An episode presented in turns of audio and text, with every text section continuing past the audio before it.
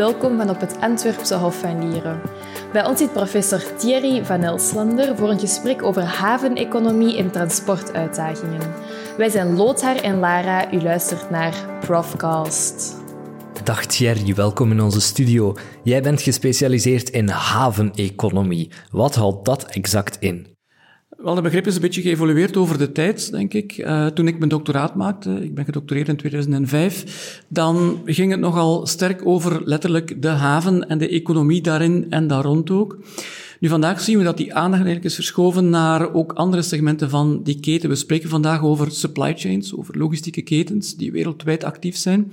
En eigenlijk is een haven daar maar één schakel in. En je haven is ook maar zo sterk als de zwakste schakel in die keten is. Dat betekent, je mag als haven met je operaties, het laden en lossen van schepen, nog zo efficiënt zijn als je wil. Maar als de rest van die keten niet efficiënt is of niet goed functioneert, dan ga je ook als haven niet goed worden gepercipieerd. Dus die haveneconomie, ja, dat behelst eigenlijk vandaag een hele keten. Dat gaat ook over het maritieme deel. Dat gaat ook en vooral over het hinterlandgedeelte. Dus het is eigenlijk een breed concept. Alles wat met de economie in en rond die haven te maken heeft, daar gaat het eigenlijk over. U heeft ook onderzoek gedaan naar de sociaal-economische meerwaarde van de haven van Antwerpen op het hinterland. Waarom is de haven van Antwerpen zo belangrijk op sociaal-economisch vlak? Ja, wel de haven die vertegenwoordigt eigenlijk heel wat zaken die overheden en de maatschappij uiteindelijk heel graag ziet. Eh, de haven herbergt om te beginnen heel wat jobs. Ja, als je kijkt alleen al naar Antwerpen, daar zijn in het havengebied hier ongeveer 60.000 jobs te vinden, die rechtstreeks met die haven ook te maken hebben. Daar tellen we dan zelfs nog niet de jobs bij die ook dankzij die haven er zijn, maar niet in het havengebied zelf. Denk aan alle transporteurs die van heinde en ver naar hier komen, die lading mogen vervoeren naar hier, die een job hebben dankzij die lading ook, dankzij die haven. Dan gaat het om allerlei toeleveringsbedrijven ook nog. Uh, het gaat om accountantskantoren, verzekeringsmaatschappijen noem maar op, uh, schoonmaakfirma's, allerlei bedrijven die een job ook hebben, die activiteit hebben en mensen die een job hebben dan dankzij de aanwezigheid van die haven. Dat is één grote component, zeker werkgelegenheid ook. Maar daarnaast natuurlijk ook inkomsten. Niet vergeten dat uh, ook al die, die uh, lading die er binnenkomt, dat die ook allemaal ergens taksen betaalt. Dus daar gaat natuurlijk ook heel wat middelen, daar gaan heel wat middelen naar die overheden ook, op verschillende niveaus. De federale overheid, Vlaamse overheid, ook de gemeentelijke overheden. Dus ook van het belastingoogpunt zijn die, of is die haven eigenlijk heel belangrijk voor uh, alles wat hier rond ligt. Je moet rekenen dat de haven ongeveer 4 tot 5 procent vertegenwoordigt rechtstreeks van het Belgisch binnenlands product. Dus alle toegevoegde waarde die we met z'n allen in België genereren, wel 5% daarvan wordt eigenlijk puur binnen dat havengebied gerealiseerd. En nog eens, dat is alleen die activiteit die enkel fysiek daar zit. Als je alles daar rond gaat bijtellen dat hier leeft en bestaat, dankzij die haven, dan kom je op nog veel meer uit. Dus uh, echt wel heel belangrijk voor de economie, voor um, onze maatschappij, voor ja, wat we hier doen aan, aan activiteiten. En welke gevolgen denkt u dat de huidige oorlog in Oekraïne zal hebben voor, ja, voor de haven van Antwerpen en bij uitbreiding dus voor het uh, bruto binnenlands product van België? Ja, dat is op zich nog een beetje moeilijk te zeggen, omdat we natuurlijk nog volop in die oorlog zitten. De vraag is, wanneer gaat die eindigen? Gaat die overmorgen eindigen of gaat die nog vijf jaar of langer duren? Dus alles hangt daarvan af. Um, qua directe impact, die is gelukkig niet zo groot, omdat België geen zo'n grote relaties heeft met Rusland en met Oekraïne. Dus als je gaat kijken in volumes, dan is dat een minderheid, een klein aantal percentages, beperkt aantal, die daarmee te maken heeft, die dus wordt gehinderd ook. Um, dus er zit wel een beetje lading vast hier ook in Antwerpen, die momenteel niet mag worden geëxporteerd naar uh, Rusland. Dat veroorzaakt wat overlast natuurlijk. Ook de douane heeft daar wat extra werk mee. Maar op zich is dat niet gigantisch. Die impact is niet zo groot. Antwerpen is een heel gediversifieerde haven, uh, werkt met heel wat continenten op deze wereld ook samen. Dus die, die impact van het Rusland-verhaal is voorlopig niet zo groot. Natuurlijk, hoe langer dat gaat duren, hoe meer impact dat kan hebben. Als bedrijven op zoek moeten gaan naar andere grondstoffen bijvoorbeeld, dan gaan die misschien veel minder met die regio handel drijven. Maar gaan die dat meer met andere regio's gaan doen? En dan is de vraag, blijft Antwerpen daar nog even interessant als aanloophaven voor die nieuwe routes en die nieuwe ladingen die van op andere oorsprongspunten komen? dan dat ze dat nu is voor de huidige stromen. Dus je zou dan wel eens verschuiving kunnen krijgen naar andere havens, naar Rotterdam, naar Le Havre of naar nog andere havens. Dus alles hangt ervan af hoe lang dat gaat duren en welke beslissingen ook bedrijven gaan nemen daaromtrent. Als zij zien dat op lange termijn dat Rusland-verhaal over is, dan uh, ja, zou dat wel eens tot verschuiving kunnen leiden. Ook de energieprijs heeft een invloed natuurlijk. Um, vandaag uh, is een van de zaken die men hier verwerkt ook petroleum in de haven van Antwerpen. Heel veel van die petroleum komt nu via Rotterdam binnen, de haven van Rotterdam. En die wordt dan eigenlijk verder doorgevoerd naar Antwerpen in grote mate, om hier, om hier dan verder te worden verwerkt ook. Geraffineerd, raffinageactiviteit. Dus heel wat van die hoge schoorstenen die je ziet staan, waar dan een vlam uitkomt in de haven. Dat is typisch die, die raffinageactiviteit ook, um, van olie die men daar verwerkt dan. Ja, ook dat zal natuurlijk worden beïnvloed door uh, heel dat Rusland-verhaal nu. Misschien gaan we onze energie van op heel andere oorsprongspunten in de wereld gaan halen. We gaan wellicht ook naar heel andere energie overschakelen, ook in het kader van het klimaatverhaal. Dus dat betekent dat die stromen ook voor Antwerpen gaan veranderen. Als je ziet dat vandaag de liquid bulk, dus in grote mate de olie, toch nog ongeveer een 20% vertegenwoordigt van de totale volumes in de haven. Ja, als dat wegvalt op termijn, dan betekent dat dat je lading verliest natuurlijk. Dus dat je op zoek moet naar andere volumes als je niet wil achteruit gaan in, uh, in lading. Ook op het vlak van duurzaamheid zijn er binnen de haven- en transportsector best wat uitdagingen. We vroegen aan professor Van Elslander welke oplossingen hij daarvoor ziet. Wel, er zijn er een aantal. Um, we hebben lange tijd gezegd, het zal vooral te maken hebben met modal shift. Dus dat betekent uh, lading niet in de eerste plaats op vrachtwagens proberen te zetten, wat vaak de eerste reflex is van bedrijven, want het is gemakkelijk. Als je lading hebt, we maken altijd de boetade. Als je tien transporteurs, wegtransporteurs opbelt, binnen het half uur staan er vijf aan uw deur die uw lading willen vervoeren. Als je hetzelfde probeert met het spoor of met de binnenvaart, dan is dat een heel andere wereld. Dan moet je dat veel beter plannen dagen, weken, maanden op voorhand soms. Dus het is een veel moeilijkere, of zijn veel moeilijkere segmenten om mee te werken uiteindelijk. Nu, we zien, dat is nog altijd deel van de oplossing, maar dat gaat zeker ook niet alles oplossen. Ja. Dus alles op uh, trein- en binnenvaart gaan zetten, ja, er is gewoon capaciteit ook daar tekort, die is ook beperkt. Dus dat zal zeker niet alles kunnen oplossen. Dus dat betekent dat we ook binnen dat wegvervoer moeten gaan werken en daar ook aan vergroening gaan denken. Dus dat betekent dat we op termijn uiteraard af moeten van die diesel en van benzine ook, als het over auto's bijvoorbeeld gaat. En dat we echt naar andere alternatieven moeten gaan kijken. Elektrisch, zeker voor auto's, gaat dat een groot deel van de oplossing zijn, zonder enige twijfel. Voor vrachtwagens kan het ook elektrisch worden, maar het kan ook bijvoorbeeld waterstof worden. Die is ook een grote kanshebber om uh, daar een groot marktaandeel in te nemen. Dus daar liggen nog veel meer pistes open. En wij proberen ook daar weer te helpen met ons onderzoek vanuit economische hoek dan, niet vanuit technologische hoek. Daar zijn andere collega's voor die dat schitterend doen. Maar vooral dan vanuit economische hoek proberen te kijken wat dan echt kans maakt. Ik bedoel, als je een oplossing aanreikt die technologisch schitterend is, maar die ook handenvol geld gaat kosten, ja, die gaat hier waarschijnlijk nooit doorkomen. Dus je moet op zoek naar oplossingen die economisch haalbaar zijn natuurlijk en waar uh, ja, de sector en de overheid ook samen bereid zijn om de nodige middelen in te steken. Dus daar proberen wij op, naar uh, op zoek te gaan. Maar denkt u dat misschien dat die oorlog in Rusland het mensen een extra push gaat geven om toch over te gaan naar zo eerder elektrische wagens en zo? Omdat wij nu eigenlijk een beetje afhankelijk zijn van Rusland. Ja, ja we zijn inderdaad sterk afhankelijk. In België valt het nog relatief mee, maar als je naar Duitsland kijkt, die halen bijvoorbeeld uh, eh, 50% van hun gas uit Rusland. Die hangen enorm veel af van Rusland. Zowel voor transport, maar ook voor de industrie dan. Um, dus inderdaad, het gaat zeker tot heel wat beweging leiden, of het gaat bewegingen ook die al bezig waren versnellen, zeker en vast. Bij de mensen, die gaan zich meer bewust, maar vooral ook bij overheden, denk ik, en bij grote bedrijven. Ja? En dat zijn uiteindelijk de eerste spelers die, die het gaan moeten doen. Wij kunnen allemaal individueel zeker iets gaan bijdragen, maar er zijn weinig mensen die gaan bereid zijn om dubbel zoveel te betalen uit goodwill, zeg maar, voor iets dat ze ook ja, half zo duur kunnen krijgen. Concreet, als je met een dieselwagen kunt rijden, waar uw energie maar half zoveel kost als met een elektrische wagen vandaag, dan is de prikkel om toch maar bij diesel te bedrijven bij u en mij waarschijnlijk heel groot. Dus het zal echt ook van de overheid moeten komen om te zeggen van kijk, we gaan dat verschil in kosten ook proberen te compenseren. We gaan daar subsidies voor geven of we gaan de ontwikkeling van die andere technologieën gaan stimuleren bijvoorbeeld. Het zal daarvan moeten komen om mensen echt te bewegen om uh, op alternatieven te gaan overschakelen. En natuurlijk, ja, hoe duurder die klassieke energie wordt, hoe makkelijker het eraan wordt om mensen effectief van uh, de klassieke energie te laten overschakelen op de alternatieve energie. Wat niet betekent dat alles vandaag opgelost is. Elektriciteit is vandaag nog altijd veel te duur eigenlijk. Ja, die balans ja, die was uit evenwicht en die is het nog altijd. Dus ook daar gaat de overheid moeten aan werken om energie die eigenlijk schoon is, ja, om ervoor te zorgen dat die ook gewoon goedkoper is. En dus dat mensen vanzelf de prikkel krijgen om uh, die veel makkelijker te gaan gebruiken, ook in transport.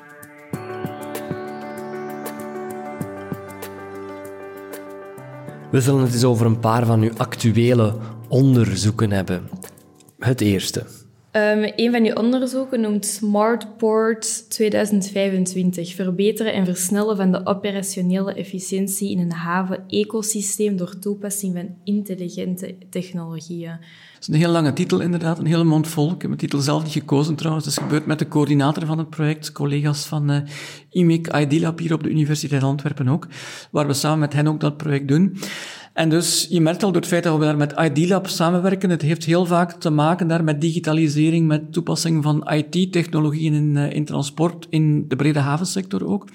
Opnieuw omdat we zien dat de transportsector eigenlijk lang ja, een beetje is achtergebleven op dat vlak. Um, tot tien jaar geleden gebeurde nog heel veel communicatie via e-mail of nog erger op papier. Papier letterlijk werden doorgegeven als een schip aanmeerde. Dan gingen heel wat documenten fysiek over. Dan moest een courier komen, pikte dat op. Reed dat met een kamionetje of met een brommer naar eh, de terminal, gaf dat document door. Dan moest het door naar een vrachtwagen, die kwam de lading oppikken en zo. Dus er werd heel wat papier nog uh, verwerkt ook in die wereld. Zelfs de fax. Ja. Vandaag weten heel wat mensen niet meer wat een fax is. Maar tien jaar geleden werd die fax gewoon nog massaal gebruikt in die havenomgeving. Dus dat was een van de laatste sectoren die eigenlijk de fax heeft uh, laten vallen daar. Wat ook heel wat problemen gaf. Um, het zijn nogal antieke manieren van werken. Dat betekent dat ze foutgevoelig zijn. Mensen moeten overtikken, kunnen dus fouten maken.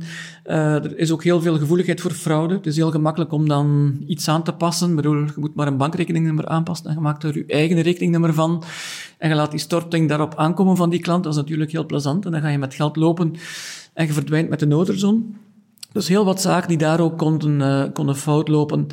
En dus hebben wij gezegd, ook vanuit de universiteit, samen een aantal ja, pioniers toch in, in die havenomgeving van kijk, laat ons nu eens zien hoe dat we dat kunnen gaan veranderen. Hoe dat we een aantal technologieën, zoals blockchain bijvoorbeeld, die elders ook al zijn ontwikkeld, of dat die ook in die havensector geen toepassing kunnen krijgen. En zo is dat project ontstaan. Dat is een Vlaams project met uh, dus voornamelijk actoren van de Universiteit Antwerpen en dan een aantal bedrijven ook daar rond waar we eigenlijk proberen om een aantal zaken die hier ontwikkeld zijn in huis, conceptueel, om die ook effectief in pilootprojecten bij die bedrijven te laten gebruiken. En dus te zien van, werkt dat, werkt dat niet? Als het niet werkt, wat moet je doen om het wel succesvol te laten zijn? En zo te hopen dat een aantal van die innovaties um, breder worden opgepikt en zo eigenlijk ook die sector vooruit helpen uh, voor meer um, automatisering, ook daar kunnen zorgen, de operaties ook efficiënter kunnen maken, tot kostbesparing kunnen leiden. En zijn er al innovaties opgepikt door de werking van de haven? Ja, eigenlijk heel wat, gaande van kleinere uh, zaken tot, tot grotere zaken. We zien vandaag bijvoorbeeld dat, um, gelukkig zou ik zeggen, heel wat van die communicatie niet meer op papier verloopt. De fax is ook al intussen goed verbannen uit die havenomgeving. Dus men gaat inderdaad van veel modernere IT-technologieën gebruik maken om, uh, om te gaan werken nu.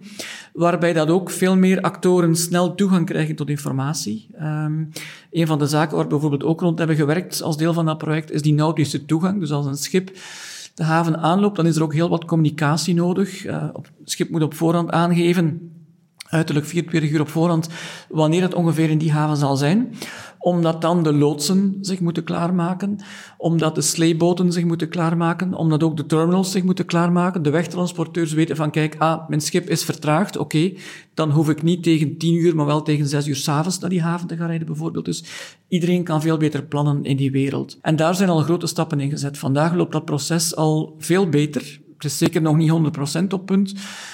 Er is ook soms gewoon, ja, geen volledige bereidheid van partijen om er onmiddellijk in mee te stappen. Uh, ten eerste, heel wat mensen hebben schrik dat ze op die manier een job gaan verliezen, ja, omdat ze als tussenpersoon vrezen te worden uitgeschakeld in die keten, wat trouwens vaak niet zo is of niet zo hoeft te zijn.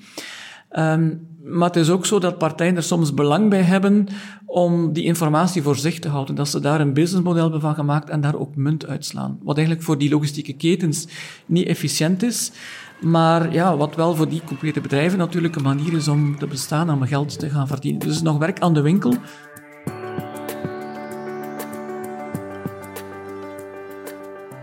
U bent ook bezig met een onderzoek genaamd een open netwerk over overdraagbare innovatie voor efficiëntie- en emissiereductieoplossingen. Wij hebben u dan eigenlijk exact onderzocht en waarom en wat, wat is er uitgekomen? Ook weer een, een, lange titel, opnieuw. Ik heb hem niet zelf gekozen. In dit geval is het gebeurd door uh, de coördinator die hier de haven van Antwerpen is trouwens, van dit project. Um, misschien is de korte roepnaam van het project, uh, gaat die meer mensen in België winkelen. Dat is Pioneers. En Pioneers toont eigenlijk ook een beetje wat het is. Namelijk, men gaat op zoek naar een aantal pionierprojecten van innovatie, opnieuw in die havenomgeving om daaruit lessen te trekken en ervoor te zorgen dat op lange termijn de juiste condities worden gecreëerd om meer bedrijven dat soort innovatie te laten oppikken ook. En het gaat over vier grote domeinen eigenlijk daarin. Het gaat over digitalisering opnieuw. Het gaat over vergroening ook van operaties, van schepen ook die hier in die haven aankomen. Um, het gaat over vergroening van de infrastructuur ook in de haven.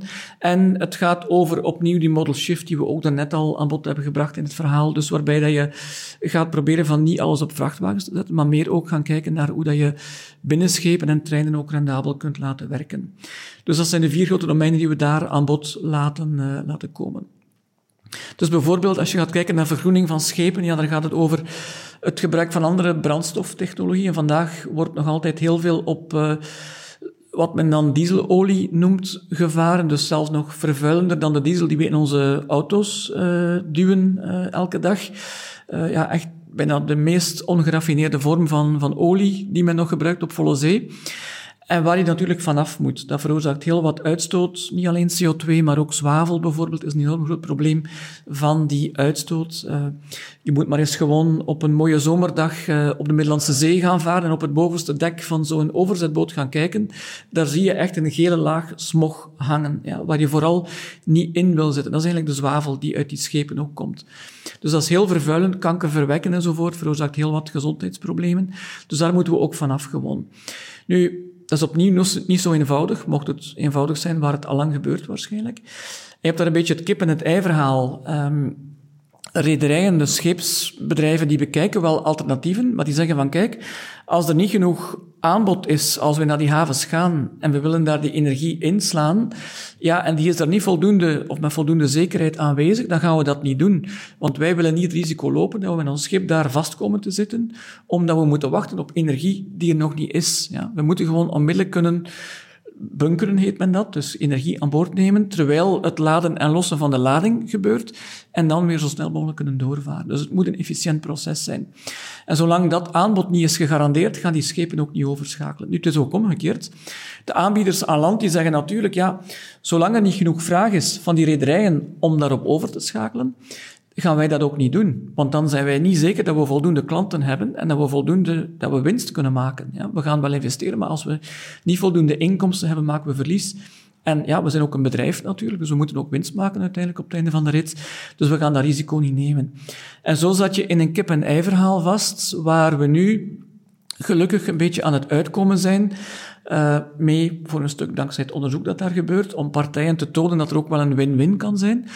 Maar ook dankzij de overheid. We zien dat Europa nu met zijn Green Deal-plan heel sterke doelen heeft gesteld en momenteel nog dat verder ook aan het uitwerken is en echt naar een grootse omwenteling gaat van energie, vooral ook in die transportsector, om dus echt bedrijven ja, te verplichten om tegen 2030 echt uh, sterk al overgeschakeld te zijn en eigenlijk tegen 2050 echt naar een nul uitstoot van, uh, van CO2 te gaan. Dus men heeft daar een heel ja, ambitieus plan. Of dat we echt zo ver gaan geraken, goed, valt nog te bezien, maar ik denk dat het ook al een succes is. Mochten we nog maar op twee derde geraken van die reductie, dat we al uh, van een succes kunnen spreken en dat we toch, denk ik, de klimaatverandering met een aantal graadjes uh, kunnen terugdringen. U bent ook bezig met onderzoek naar e-hubs, zoals jullie het zelf noemen. Wat zijn exact e-hubs? Ja. E-hubs hebben ook weer met vergroening te maken, maar dan aan de landkant. En het gaat dan vooral over mobiliteit op het land, eh, auto's, vrachtwagens.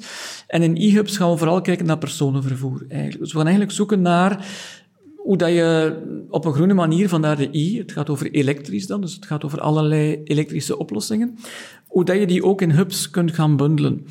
Want het is leuk van te zeggen van oké, we gaan onze auto's vergroenen. Stel dat je dat tamelijk snel zou kunnen gaan doen ja, dan blijft natuurlijk wel alles in auto's rondrijden. Dan is uw fileprobleem helemaal nog niet opgelost. Dan zijn ook andere problemen, ongevallen enzovoort, ook niet opgelost. Dus je probeert ook daar naar alternatieven te gaan kijken. Nu, er zijn ook al de afgelopen jaren alternatieven gekomen. We zien uh, in heel wat steden dat daar operatoren van e-steps uh, of gewoon steps ook al uh, actief zijn, bijvoorbeeld. Die e-steps die trouwens dan her en der terug te vinden zijn midden het voetpad, of uh, waar studenten ook dan uh, bij nacht en ontij ook al eens mee in uh, rivieren en kanalen durven zwieren enzovoort. Dus die eindigen natuurlijk overal. Dus ook daar is een stukje regulering van die markt nodig. Je bent een, een coole minnaar merk ik. Nee, ik hou van die e-stips, maar er moet wel een stuk kader zijn ervoor. Ik bedoel, net zoals dat je met je auto niet zomaar op het linkervak mag gaan rijden tegen de stroom in en aan een rood licht moet stoppen, ja, die regels lijken soms voor die e-steps helemaal niet te gelden. De rood blijkt daar geen rood te zijn en zo. Ik bedoel, daar moeten ook regels zijn. Ja. Er is ook een veiligheidsaspect aan. Met een, step rondrijden uh, is ook gevaarlijk trouwens. Dus vandaar een helm lijkt me zelfs geen overbodige luxe. Dus al dat soort dingen moet eigenlijk ook wel in een wettelijk kader worden gegoten. Het lijkt nu een beetje het Wilde Westen. En het is ook wel goed dat je dat soort alternatieven ja, de kans laat van te groeien. Maar zeker als er een groter gebruik van is, ja, moet je dat gewoon ook gaan sturen. Dat kun je niet zomaar aan de markt en aan de gebruikers gaan overlaten. Nu, het is vooral belangrijk om die oplossingen ook te gaan bundelen, want niets is vervelender dan bijvoorbeeld te zeggen van rij met je auto tot aan de rand van de stad ja, en schakel daar op alternatieven over. En dat kan een tram zijn, maar dat kan ook een e-step zijn, of dat kunnen deelauto's zijn. Ja, dat is leuk. Maar dan moeten die alternatieven daar ook wel zijn. Dus je hebt echt hubs nodig. Ja. En dat was het probleem in het verleden. We hadden een aantal park-and-rides. Ja. Nu, dat waren eigenlijk niet meer dan veredelde asfaltterreinen, ja, waar dat je, als je geluk had, nog een plaatsje vond om je auto op te parkeren. En dan voor de rest vooral je plan moest trekken en zelf op zoek gaan van, tja, zou je nu ook een tram rijden? Ja, waar vertrekt die hier? Hoe vaak rijdt die? Oei, het is maar om het uur of om het half uur. Dat is niet zo interessant natuurlijk. Dus we moeten naar manieren om mensen flexibel transportmodi te laten combineren. Ja? En die moeten ook beschikbaar zijn daar. Ja? Weet ook bijvoorbeeld ja, de mensen die de deelfietsen gebruiken, die nu een jaar of vijftien intussen in Antwerpen al in gebruik zijn ook. Dat is een succes. Maar het is wel heel vervelend als je op een stationnetje aankomt en er is geen plaats meer om je fiets uh, te parkeren. Ja, dan mag je op zoek naar het eerstvolgende dat vrij is. En dat doen mensen niet graag. Ze verliezen tijd. En als je dat zo twee, drie keer naar elkaar tegenkomt, dan hebben mensen de neiging van het op te geven en van te zeggen van geef mij maar opnieuw de tram of geef mij maar opnieuw mijn eigen auto. Dan sta ik misschien al eens vast in de file. Maar ik weet wel ongeveer wanneer dat ik er aankom en ik heb niet de last van te moeten gaan zoeken naar oplossingen. Dus je moet zorgen dat die alternatieven dat die ook goed gebundeld en goed gecoördineerd zijn. En bijvoorbeeld ook dat daar laadmogelijkheden zijn. Ja, niks is vervelender dan aan te komen en een auto te willen nemen, een elektrische auto, waarvan de batterij plat is op dat moment. Dat wil je niet voor hebben natuurlijk. Dus je moet daar ook de juiste laadinfrastructuur hebben om auto's in te pluggen, om deelsteps, deelfietsen, uh, deelauto's, om die allemaal ook te kunnen gaan uh, laden natuurlijk, zodat mensen er ook flexibel gebruik van kunnen maken. Dus het zijn die hubs, het zijn die bundelpunten die veel meer nodig zijn. En er zijn nu in Antwerpen een paar goede stappen gezet, maar ook daar is nog verbetering mogelijk. We hebben nu nieuwe park-and-rides gekregen hier, waar de tram al wat verbeterd is, maar ook daar is nog veel meer verbetering, veel meer uitbreiding mogelijk. Het is nog veel te weinig I, dus het is nog veel te veel gebaseerd op klassieke transportmodi eigenlijk. En de frequentie van het vervoer moet ook nog veel hoger. Je moet eigenlijk mensen het zo gemakkelijk maken als als ze vroeger met een eigen auto van oorsprong tot bestemming reden. Zo gemakkelijk moet je het mensen eigenlijk maken als je wil dat ze gebruik maken van die deelmobiliteit ook. Anders gaat het niet lukken en gaan mensen toch weer in een eigen auto blijven zitten. We hadden het daar net toevallig erover, dat we eigenlijk vinden dat openbaar vervoer vrij duur is. De tram nemen, de trein nemen. We hadden ook uitmond in, uh, in mensen die toch kiezen om de auto te nemen of wanbetalers bij de lijn. Mhm. Hoe ziet u die, die prijzen die prijsbepaling? Ja, wel, de prijsverhouding zit vandaag eigenlijk niet goed. Nu, ik zou het ook een beetje willen omdraaien. Ik ga misschien toch eerst zeggen op het puntje dat u zegt. Is vandaag openbaar vervoer te duur? Ongetwijfeld kan die prijs naar beneden. Er valt ongetwijfeld nog een stuk efficiëntiewinst te rapen bij die bedrijven. Ik bedoel, het zijn nog altijd klassieke overheidsoperatoren heel vaak. En je zou daar, mits goede aanpassingen aan de structuur, de werking enzovoort, zeker nog wat kosten kunnen weghalen. Ja, dat betekent niet dat je jobs moet laten sneuvelen per se, maar gewoon nog efficiënter werken. Dat moet zeker lukken. Dus je zou die prijs voor de gebruiker bij gevolg ook wel nog wat kunnen laten zakken. Maar ik zou het ook willen omkeren. Misschien is de auto die we vandaag nog altijd massaal gebruiken, gewoon veel te goedkoop. Ja. En zeker in België, we leven in een land, en vooral Vlaanderen dan ook, waar ja, de Belg, de Vlaming, niet alleen met een baksteen in zijn maag is geboren, maar ook met een paar wielen aan zijn lichaam is geboren. En dus die auto ook heel sterk gewoon is.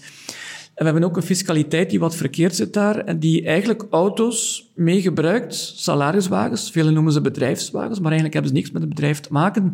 Er zijn weinig mensen die een auto die ze krijgen van het bedrijf ook echt gebruiken om naar klanten te rijden en zo. Dat is de minderheid van de mensen. De meesten gebruiken het gewoon om s'morgens naar hun werk en s'avonds terug naar huis te rijden of mee op vakantie te gaan. En dan vaak nog eens met een tankkaart daarbij, waarbij dat ze gratis mogen tanken en bij gevolg in het weekend ook nog eens alle boodschappen met de auto gaan doen met de gratis tankkaart van het werk. Ja.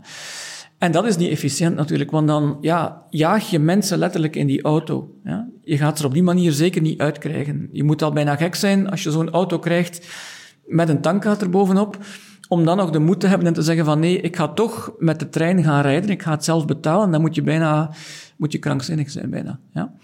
Er is al een beetje aan gewerkt nu. Er is nu het mobiliteitsbudget, waar de overheid heeft gezegd van kijk, we gaan niet alleen meer die salariswagen stimuleren, maar we gaan bedrijven ook de keuze laten om hun werknemers ook de alternatieven te laten gebruiken. Dus er zijn andere abonnementsformules gekomen voor trein, tram, bus. Zelfs voor de deelmobiliteit komt daar vandaag ook in nu.